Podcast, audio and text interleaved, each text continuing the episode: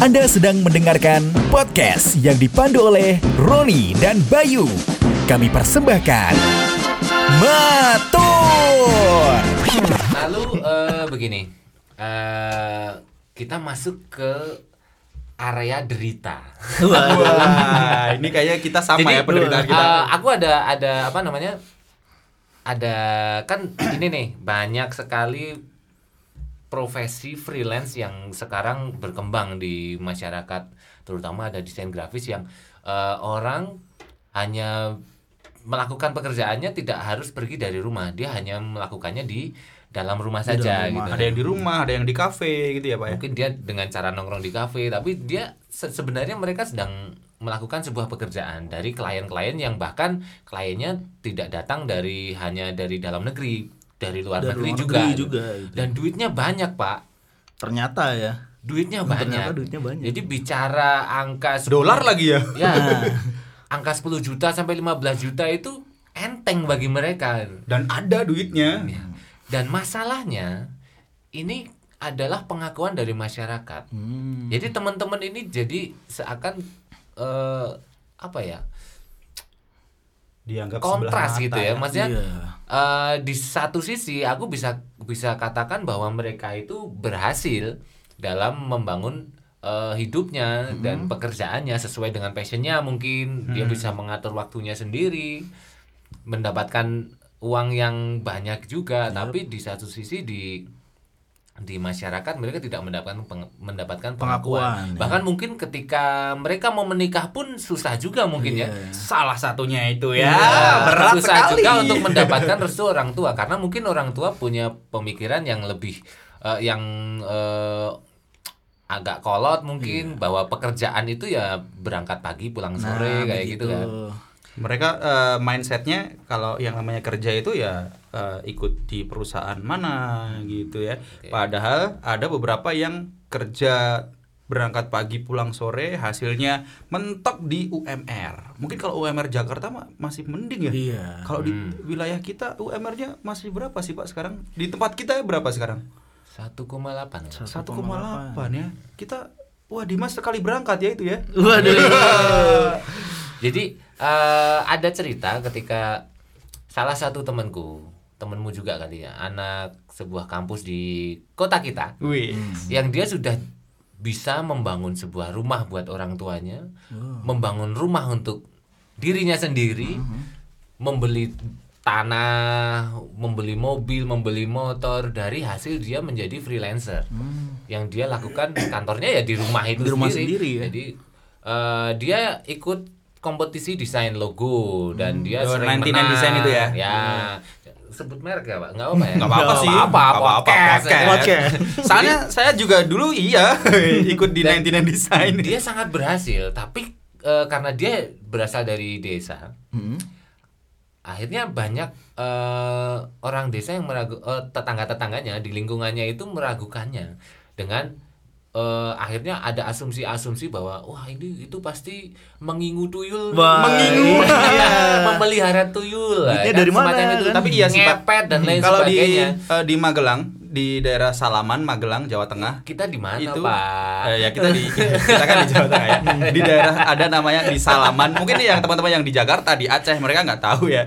Di Jawa Tengah itu ada namanya Salaman di Magelang, Jawa Tengah itu di situ ada satu perkampungan pemudanya itu sekarang yang tadinya hobinya nongkrong di pinggir jalan main gitar eh, jalan-jalan ke mana. Sekarang dia eh, hobinya jadi eh, desain grafis. Oh, lebih terarah Eh, gitu. mereka terarah terus mereka berpendapatan. Bahkan yang eh, kuli bangunan biasa kuli bangunan di Jakarta sekarang dia pulang ke Salaman itu dan dia sekarang jadi desainer di 99 Design Oh, itu dan gitu. penghasilannya dia dolar. Mungkin ini salah satu eh, pahlawan devisa juga pak ya?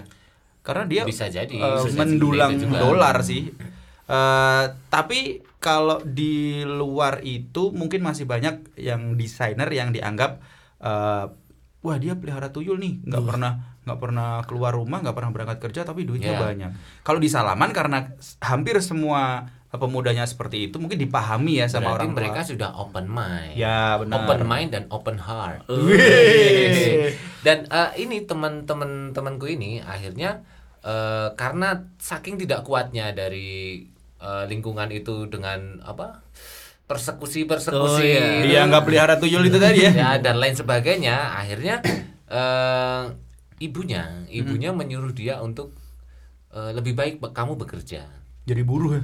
nah, bekerja akhirnya dia bekerja di suatu tempat dengan gaji yang mungkin hanya 10% dari pendapatannya ketika dia menjadi seorang freelancer Banyak juga ya selisihnya. Nah, tadinya rencananya kamu bekerja tapi kamu tetap melakukan pekerjaanmu sebagai freelancer yang ini. Tapi karena di pekerjaannya itu juga menyibukkan dia dan menyita banyak waktu, akhirnya dia eh, jadi sekarang tidak melakukan eh, itu menjadi freelancer desain itu.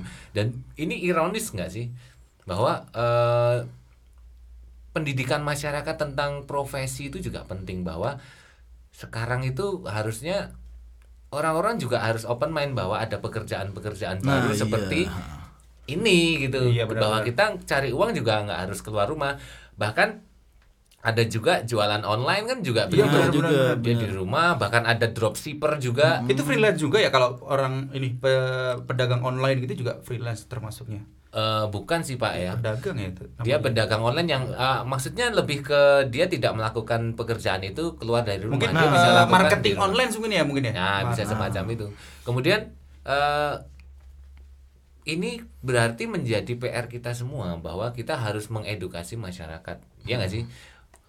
Tapi juga repotnya kalau mas- masyarakat itu memang dibilang juga sepuh gitu ya. Mungkin beberapa tetangga-tetangga saya kan lebih tua juga gitu kan. Hmm. Saya juga bingung kalau mau mengasih tahu saya ini begini loh gitu. Takutnya kan nampak sekali kalau mau pengen ngajarin gitu kan. Padahal kita cuma menginformasikan aja gitu kan. itu dia masalahnya ya lingkungan yang ada di sekitar kita banyak yang masih eh, belum pikirannya belum terbuka masih kolot Nah. Dan ketika kita beri sesuatu hal yang baru itu selalu dianggap eh, hal yang itu kayaknya berasa jelek gitu ya Iya. kita ngasih tahu tuh berasa kamu nih anak baru lahir kemarin udah ngasih tahu Misalnya tua." sa- ada nih tetangga saya yang sebelah nih dia jualan makanan ringan gitu ke pasar-pasar Seringan gitu. apa? Hah? Oh iya, iya. lalu lalu lalu. lalu. ringannya sejok saya ini ringan banget tuh jadi dia jualan makanan ringan dan memang bekerja sendiri kan saya kira juga itu dia freelancer gitu loh bergerak sendiri untuk dia sendiri tapi lebih terakui daripada saya gitu Oh, Gitu gitu. loh. Mungkin karena yang Ya, dijual ya, ada ya, produk ya. fisiknya mungkin ya. Jadi itu itu belum bukan freelancer deh kayaknya. Dia Iya. eh, dia melakukan usaha. Nah, iya ya seperti kan? itulah. UMKM mungkin mungkin, dia ya. UMKM atau pedagang indie tadi. dia independen tanpa bergantung. tolong, Pak. Enggak, ini beneran dia indi- dia berdagang secara independen, Iya, secara iya, iya. mandiri tanpa bergantung pada eh, yang Orang lain gitu Tapi kan. tetap bergantung, Tapi Pak. juga- bahan bakunya Tapi dari mana? biar bagaimanapun Iya. itu, apa pun bentuknya, tujuannya kan sama. Nah. Duit. nah Yo, benar Iya kan? Itu. Do it yourself. Do it. Do it yourself berarti tadi duitmu dewe. Jadi duitnya sendiri ada banyak jalan untuk mencapai duit sebenarnya Nah, kan. iya. Nah, masalahnya adalah eh, sebenarnya lebih ke kebiasaan sih ya, habit Hmm. dari masyarakat itu bahwa orang berangkat pagi pulang sore kerja dapat duit. Iya, atau dia melakukan sesu- sesuatu di rumah yang kelihatan harus kelihatan Hmm. wujudnya bentuknya. Sedangkan kalau freelancer kayak kamu ini kan Hmm. setiap setiap hari di rumah dengan dandanan kamu yang sangat indie eh aduh Eh, sorry. Dandanan kamu yang seperti itu gitu kan. Orang mikirnya ini orang ngapain sih? Tapi menjadi ganjalan buat mereka bahwa kamu hidup. Hidup dalam artian kamu punya duit kamu bisa, Bisa beli makan, bisa beli beli motor ya kan? Bisa tetap bisa jajan ini kok anak ini dapat duit dari mana gitu loh. Dan mereka nggak ada referensi eh, ke arah itu. Makanya terjadilah tuduhan-tuduhan Nah, yang iya. seperti itu. Karena di masa muda mereka tidak ada pekerjaan yang namanya freelance adanya buruh lepas mungkin Wah, namanya ya begitu, iya. tapi kalau di mas kan kamu mungkin kendalanya dengan eh, orang-orang terdekatnya itu misalnya tetangga ya tetangga Mhm. yang eh, notabene-nya eh, mereka mungkin tiap hari ketemu tapi tidak setiap jam ketemu karena kamu malam kan kamu di rumah misalnya nah eh, kalau aku sendiri itu bahkan eh, hal terburuknya itu adalah melanda, wah melanda. Itu ada pada orang tua sendiri.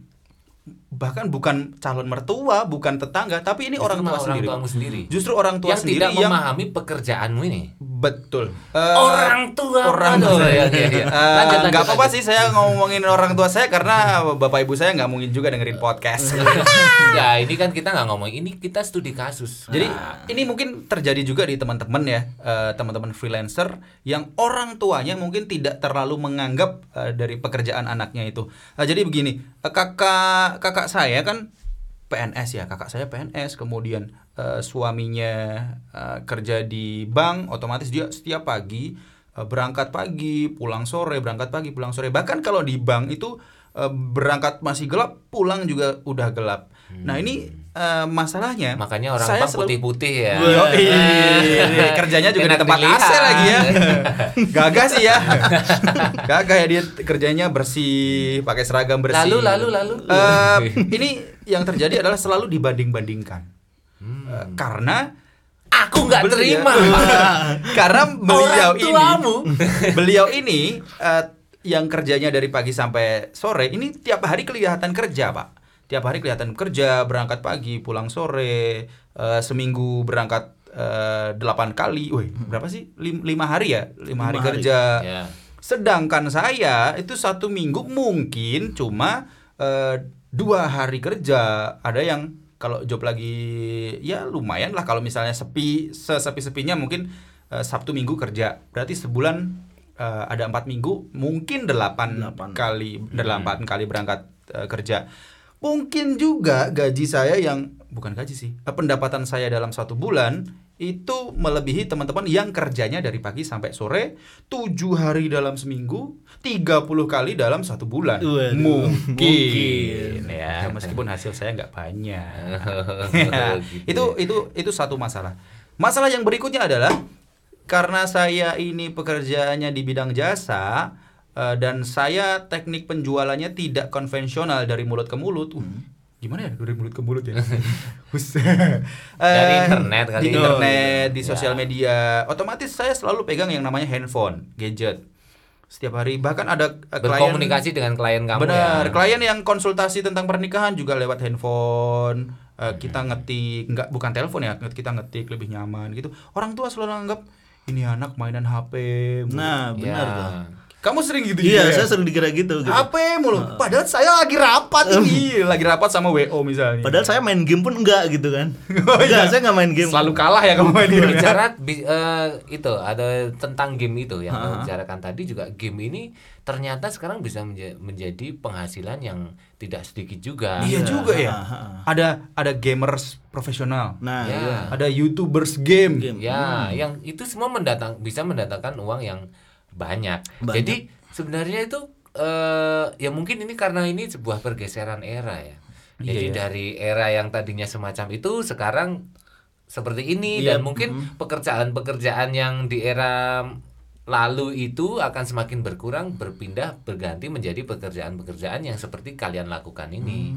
Ya nggak sih? Iya benar-benar. Benar-benar. bahkan eh yang aku rasakan dari ini dari era sekarang itu aku eh, dealing dengan klien tanpa harus bertemu dengan mereka Iya, yang itu tidak bisa terjadi di masa yang lalu kan gitu. Padahal Ya. nominalnya bisa gede ya Pak ya. Nah. Nominal transaksinya besar. Bahkan kita nggak bertatap muka belum ketemu Ya, orangnya. bahkan kita eh, melakukan marketing kita juga tidak harus pergi dari rumah itu Benar, sebenarnya benar, terjadi juga di di aku karena kantor kantor kantor kantorku kan jadi satu dengan rumah di- Hmm. bersebelahan dengan rumah jadi banyak juga orang bertanya itu kerja apa sih pak itu kerja apa sih kerjaannya apa kok pagi aku masih bisa berada di depan rumah ngerokok ya kan terus siang juga masih begitu kelihatan di depan rumah ngerokok lagi. Nanti malam Padahal lagi ngopi. habis habis ngedit keluar rumah ngerokok Ngerokok. untuk menjernihkan pikiran Nanti masuk lagi ngedit lagi. gitu Tetangga Makanya- pada tidur dia kerja. Nah, Ah, tapi karena aku dia. tinggal di perumahan jadi orang-orang eh, cara berpikirnya sudah Beda ya. open mind Beda sama kalau di kampung ya mereka hanya mungkin ya. bertanya ketika sudah dijawab oh seperti itu Sebenarnya mereka cuma butuh tahu sih Pak. Mas Roni ini kerjanya apa Ya, ya? info Tapi sekarang ya, udah pada kepo tahu ya. sekarang karena salah Tapi- satu perusahaan yang ternama sih sekarang. Uji. Iya. Alhamdulillah. Dan eh, yang ironis itu kan sebenarnya yang hidup di eh, perkampungan sebenarnya. Iya. Bukan ber- ber- bukan bermaksud untuk apa-apa ya. Maksudnya di kampung itu kan banyak sekali ada yang eh, sudah open mind, ada yang belum dan ketika secara persentase banyak yang belum sebenarnya. Kampungmu gimana, Din? Kalau di kampung saya sendiri sih Kamu di kampung apa perumahan sih? perumahan tapi polanya masih seperti perkampungan gitu. Perumahan yang di tengah kampung. Wah. Atau kampung yang dibangun perumahan. Waduh, bisa gitu. juga gitu. Jadi sebenarnya kamu juga merasakan hal yang sama kan? Bahwa, Merasakan hal yang sama. ya. eh, kamu mendapatkan apa namanya cibiran-cibiran yang nggak enak Nah, tentang Cibir cium bibir dong. tentang pekerjaan kamu sebenarnya Yap. apa sebenarnya apa sih yang kamu lakukan begitu kan Hmm, pasti pada bingung ngapain sih kok Sabtu Minggu malah keluar. Mungkin pas jatahnya harus Orang nongkrong. libur, Ah, ah, ya kan? orang libur nih malah sok Kerja, sibuk ya. ini. Udah gitu tiap hari pulang malam lagi. Wah, iya pulang subuh. Ngapain pulang subuh? Iya. Emang ada job sampai subuh? Enggak, saya cuma kadang nggak nyaman aja di rumah gitu. Oh, di gitu di ya. lingkup di lingkup de- desa itu lah. Dan saya yakin mungkin kamu atau bahkan freelancer yang lain Nah. ketika dia ada di rumah ketemu tetangga ada tetangga lewat selalu bilang Mas Dimas libur ya? Pertanyaan template sekali ya. Template itu. Bahkan Itu- nanti lebaran juga sama ditanyanya ya. itu yang terjadi ketika saudara-saudara saya datang ke rumah Mas Roni libur ya nggak kerja? ya jadi eh, libur mas iya Ah, Ya ini saya kerja. bahkan saya punya formula nih ketika banyak orang yang menanyakan pekerjaan saya Hmm. Karena ketika saya jelaskan, biasanya males juga mereka akan nanya lagi, "Lu itu apa kerjaannya?" Wah, saya- aku tahu nih, aku tahu nih. Saya harus menjelaskan dengan effort yang lebih supaya dia jelas. Makanya ketika banyak eh Pak Roni kerja apa? Wah, saya serabutan yang penting dapat duit.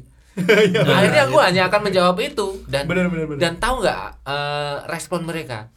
Seperti lega gitu loh. Jadi, oh, ya gitu loh. Dan Seperti ah gitu. Selalu ada yang begini pak Eh, Orang yang ketika sudah dijelaskan tentang pekerjaan kita yang freelance itu Dia tetap menganggap rendah. Ya bukan rendah sih. Maksudnya menganggap eh, selalu di bawah eh, grid yang sedang kita jalani. Misalnya Bapak kan eh, PH nih ya. Le- Ibaratnya kalau PH levelnya videografi eh, Tapi yang levelnya udah eh, Karyanya hasilnya yang udah kualitasnya udah lebih bagus sih. Pasti ada orang yang menganggap Oh, yang tukang syuting nikahan itu ya. Nah, ya. itu nggak enak pak makanya aku eh, selalu bilang ya oh saya, oh, saya cuma serabutan yang penting dapat duit gitu bahkan itu aku jelaskan juga aku jawab juga ketika teman-temanku sendiri bertanya gitu karena eh, sebuah PH di tempat kita tinggal ini kan hal yang baru ya maksudnya apa sih itu Bahkan kalau kita bilang "Eh, saya mengelola eh, PH gitu banyak yang nggak tahu ya, Pak ya. ya kan apalagi Production ketika house. saya saya bilang e, Pak Roni usahanya apa aja oh saya punya label musik apaan itu kan gitu Label itu yang buat di tempel-tempel Waduh. gitu ya. ya kan jadi Label pakaian itu beda. eh kalau aku sih lebih membiarkan mereka ber memandangku seperti yang mereka inginkan dan aku dukung itu dengan jawaban-jawaban yang membuat mereka lega mendukung eh, cara pandang mereka terhadapku. Jadi biarin aja mereka biarin aja Oh, gitu iya. loh Mungkin tergantung mesti- seberapa cuek kita sebenarnya. Jangan sampai eh, justru dari tuduhan tuduhan-tuduhan yang terjadi itu membuat kita lemah dan mem- bahkan membuat kita beralih profesi yang secara nominal itu jauh di bawah yang kita lakukan sebelumnya kan Pokoknya gitu. jangan sampai bikin eh, apa yang mereka katakan jangan sampai membuat eh, kendor semangat eh, teman-teman freelancer untuk Ya. kerja ya. Soalnya juga gini ketika saya amati sih ketika si tetangga-tetangga atau circle perumahan ini mencibir saya dan saya kerja juga di lingkungan saya sendiri saya juga nggak ada ketemu mereka gitu jadi mereka juga dijelasin mau gimana pun nggak bakal paham gitu ya. iya Mungkin musisi sering dianggap gimana tuh kalau freelance? iya kan Sering ini ya di kafe-kafe ngamen di ah, kafe-kafe. pengangguran nggak jelas gitu kan Kamu ini mau jadi apa? Ada ya selalu kayak gitu ya? sana jadi bawa apa? gitar gitu ngapain gitu Tuh lihat tuh Eh, nanti ada tetangga kamu yang ngasih tahu anaknya makanya sekolah yang bener nanti kalau nggak bener sekolahnya nanti kayak Dimas tuh loh Eh, kerjanya cuma ngamen ke sana sini itu bisa terjadi loh. Iya. sangat bisa dan itu benar-benar terjadi pak Ya, makanya terus wah itu kan parah banget, Pak. Jadi seakan pekerjaan kita itu wah apa Iya. coba. dan dan ini Makanya daripada kita berdebat, mending kita dukung asumsi mereka gitu loh.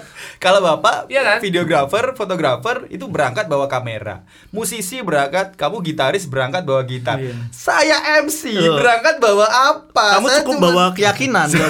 Yang penting yakin aku nge-MC diterima uh, di orang Jadi situ. saya sering berangkat. Kalau mungkin MC wedding, MC wedding saya berangkatnya bawa jas, Oh, terus iya. bawa perlengkapan yang memang eh, pakaian ganti untuk di sana, untuk di acara. Itu kelihatan saya berangkat. Hmm. Atau saya kadang sengaja dari rumah tuh udah berangkatnya udah rapi. Oh, gitu, ya. Pakai sepatu, pakai celana yang eh, celana yang resmi. Hmm. Jadi kelihatan berangkat wih, gagah berangkat kerja Iya. gitu kan. Tapi kalau eventnya itu event musik, event yang memungkinkan kita casual banget Hmm. dari rumah berangkat casual, itu di, dikiranya berangkat ini orang tiap hari main aja kerjaannya. Iya. Tapi kok punya duit ya? Bahkan saya Pak ya, saya kan pernah eh, mengajukan untuk pinjaman uang ke bank. Ya. Pinjaman uang ke bank eh, si orang banknya ini dulu datang ke rumah untuk bertanya, untuk survei ke rumah saya. Mm. Tapi dia cari informasi tentang saya itu ke tetangga saya. Otomatis si tetangga saya itu menjawabnya gini, lah itu si Bayu pi- pinjem berapa duit? Emang punya pinjaman apa? Dia kan nggak kerja, dia nggak dia pengangguran. Waduh. Dia dia nggak punya aset, nggak punya Siapa yang bisa untuk kamu? Temukan aku. Ada. Bapak, eh, Bapak tetangga saya. eh, Anda sudah merusak nama saya. Eh, Bisa saya laporkan ke Komisi Perlindungan Anak. Saya kan masih tapi anak. ah, lalu tapi yang penting kamu dapat dapatkan pinjaman itu kan. Eh, akhirnya dia Pada akhirnya gitu kan. konfirmasi ke saya. Eh, meskipun dia sempat mempertanyakan eh, berapa pendapatan saya. Ketika saya jawab, saya sekali MC sekian ratus ribu atau sekian juta misalnya, dia langsung jawabnya, alah mas udah nggak usah di eh, nominalnya nggak usah dinaik naikin nggak usah dibesar besarin uangnya cair kok Ah. enggak mas serius bahkan sampai saya menunjukkan bukti transfer Temukan dari klien saya bank itu. saya kasih bukti transfer saya, saya kasih bukti eh, price list saya MC, mereka, oh iya ya, ada mas yang mau bayar segitu, sampai segitunya. Temukan saya dengan pegawai bank itu. Tapi akhirnya Wah, ini. saya lancar bayar utangnya, Oh, ya, iya, iya, dan iya. akhirnya ya sampai sekarang aman. Aman. Perlu emang perlu dibuktikan dulu sih, mereka butuh bukti sebetulnya. Betul. Jadi intinya di episode ini adalah eh, kita ingin memberikan apa namanya dukungan buat teman-teman Semangat. semua Nah, semangat iya. kepada teman-teman yang freelancer bahwa kalian tidak sendiri men. Ya, Wih, dia- Kalian tidak sendiri. Kalian hanya harus tetap menjadi diri sendiri. Dan tidak Iya kan? ada alasan kalau cari kerjaan itu susah. Yang susah itu adalah cari kemampuan. cari kemampuan cari uang. Jadi kalian harus tetap terus kembangkan diri kalian dan tetap terus pada di jalur ini. Iya kan? Yap. Jangan pedulikan orang lain. Bahkan ya seperti yang saya lakukan aku ketika banyak orang yang menanyakan eh, pekerjaan saya dengan mimik-mimik yang seperti itu ya udah aku turutin aja seperti aku katakan tadi Dan jangan bosan mencari sesuatu hal yang baru.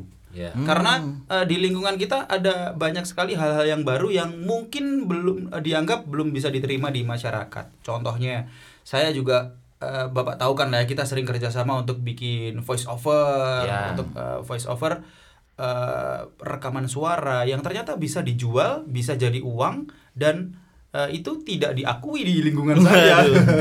Apa itu mas? Cuman baca tulisan aja dibayar dan mahal lagi. Waduh. betul betul betul oke Iya. Panjang juga ya. panjang juga ya. Padahal Sebenarnya banyak yang masih banyak yang ingin diungkapkan, tapi kayaknya intinya kayak gitu deh ya. Kira-kira begitu dulu ya. Ya mudah-mudahan Kamu harus kuat. Iya, ya.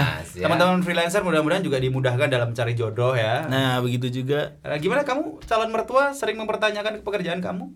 Belum, soalnya belum ada calon mertua. Anak perempuannya selalu, kamu mau jadi apa punya Eh, suami freelancer? Pertanyaannya jadi seperti ini, apakah kamu merasa kesulitan mendapatkan wanita dengan pekerjaanmu sekarang? Iya, jadi Jawabannya? oh, waduh. Iya kan? Kalau saya iya sih. selalu diremehkan. Pasti diremehkan ya. Apalagi musisi ya. Waduh, iya. Mungkin teman-teman musisi yang lain juga sama sih. Tapi mungkin saya cuma bisa menyombongkan gini ketika ketika membahasnya mungkin ya pernikahan gitu. Saya bisa agak sombong gitu ya. Aku lebih paham Wah, gitu, daripada cowokmu. gitu kan. Gitu. Bentar, bentar, bentar. Iya. Bentar, oke, paham soal apa di? Ya mungkin paham Soal- bagaimana mengecakkan ya. Kirain Oh, bagaimana mengelola eh, sebuah pesta pernikahan Nah, gitu begitu, maksudnya. Kirain aku lebih paham soal karena kamu istrimu. juga- karena kamu juga sering bermain musik sebagai freelancer itu Nah, di freelance. Di acara bidang wedding ya? Iya, di wedding, iya. juga ya. Oke, oke, oke, oke. Ya ternyata kita satu ini ya. Satu industri ya. Oh, satu Saya industri. MC wedding, Iya. kamu musisi wedding, Yep. Pak Roni dokumentasi, Dokumentasi wedding. wedding, iya. Keren. hidup wedding. welcome to welcome to wedding industry. Iya. Banyak-banyaklah memproduksi pasangan yang ingin menikah. Iya gak sih? Sebenarnya eh, pekerjaan it- kita itu adalah pekerjaan yang paling aman. Kenapa? Iya. Selama ada cinta di dunia ini, Waduh. kita akan tetap bekerja, Pak. Yo, jadi kamu jangan takut bercinta, Nah. Wih, karena ada masih ada kita kita di sini yang siap memeriahkan eh, hasil Setiap percintaanmu. Oke. Oke, Oke. Akhirnya panjang durasi kita ngobrol. Udah berapa jam ini Pak? Hampir satu jam dan dengan tidak Materi berfaedah ya. seru Tapi seru materi kita kali ini karena kita nggak biasa karena kita bertiga di sini ada. Ya, lima. ada Dimas Steven yang menjadi animal guest Ya, di binatang episode kita kali ini. Pokoknya jangan lupa untuk ins- eh, follow Instagram, Instagram kita. kita @maturpodcast. Ya, nanti kamu bisa komen di sana di postingan kita. Komen kira-kira materi apa yang perlu untuk eh, menarik untuk dibahas ya. Oke. Dengan eh, animal guest yang lain. Oke. Thank you Dimas. Oke. Sukses Thank you, buat Dimas. kamu. Sukses buat Sama-sama. kamu, sukses buat kalian juga para freelancer. Freelancer. Sukses juga terus, buat Matur semangat. Podcast ya. Oke. Yeah. Thank you, thank you, thank you. Jangan lupa follow Instagram saya juga @lumpangmc. Nice. Follow saya di @roni underscore alvian. Yap, follow saya di DIMAZSTEVN tapi jangan di-unfollow loh. Nanti saya follow dua kali. Oh, Follow follow dong. Oke, saya Roni. Saya Bayu. Saya Dimas. Tentunya kita ketemu lagi nanti di Matur.